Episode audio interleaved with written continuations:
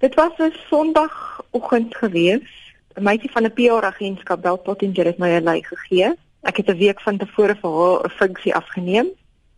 En sy het toe nou iemand nodig om 'n foto te gaan neem.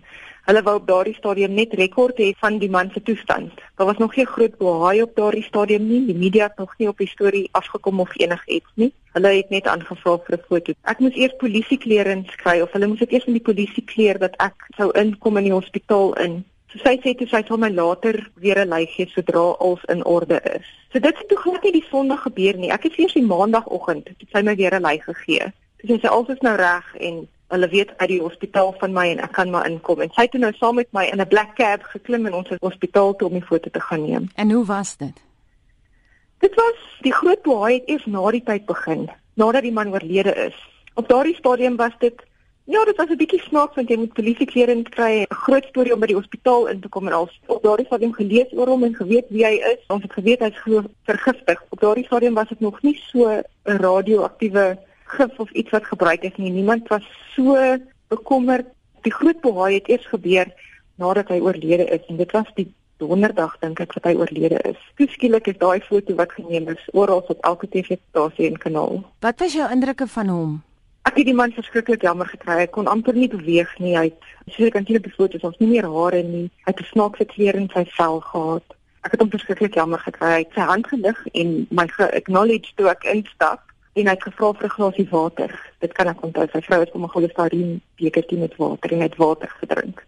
Hy was nie in enige toestand dat hy kon vreeslik kommunikeer of enige iets. Hy was baie swak. En sy vrou, het jy met haar gepraat? Ek het haar gegroet, sy het my gesê Marina of Mariana of iemand, ek kan nie onthou presies haar naam nie. Sy het my gegroet en gesê Natasha en dankie dat ek gekom het om die foto te kom neem en toe gesê ek gaan voort. Ek het seker 2 minute gekom en ek het ses foto's geneem. Hulle almal lyk omtrent dieselfde, net verskillende grade van zoom. Maar jy kan iemand wat so lyk in 'n hospitaalbed vra om vir te glimlag of enigiets en my werk was net om op rekord vas te sit hoe hy gelyk het op daardie stadium. Hoe het jy gevoel toe jy dit geneem het? So 'n bietjie senuweeagtig. Ja, dit is nie 'n lekker ding om te doen nie. Dit was nie 'n mooi prentjie nie. Ek wil amper sê uh dit was 'n groot taak om so iets gevra te word en mens besef dit eintlik eers nou na die tyd.